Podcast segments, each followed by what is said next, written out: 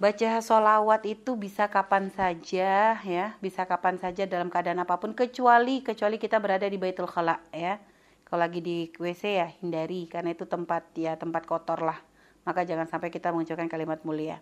Adapun kalau baca solawat sambil tiduran ya sambil aktivitas masak bagus.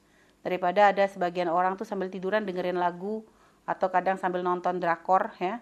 Tapi ini subhanallah kita sambil baca solawat membaca sirat Sayyidah Fatimah nggak ada masalah boleh. Ya jadi buku itu kan e, ibadah yang bisa dilakukan kapan saja.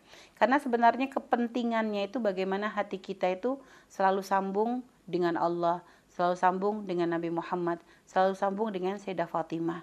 Artinya kadang apalagi jika kita melakukan aktivitas yang ya kadang banyak orang lalai di dalamnya misalnya ya e, biasa kalau kayak orang lagi di kendaraan lebih suka dengerin musik-musik tuh nggak taunya kita malah menyibukkan diri kita ketika di kendaraan untuk sholat sunnah dalam kendaraan kan ada ya. Ada juga sambil terus kita memperbanyak membaca sholawat.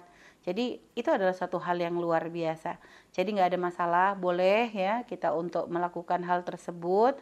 Intinya berupaya untuk terus kita tuh menghadirkan di dalam hati kita eh, Nabi Muhammad dan juga Sayyidah Fatimah Zahra itu yang paling penting dan terus minta kepada Allah agar Allah memberikan kepada kita kemudahan dan juga keistiqomahan di dalam melakukan kebaikan tersebut. Wallahu a'lam bishawab.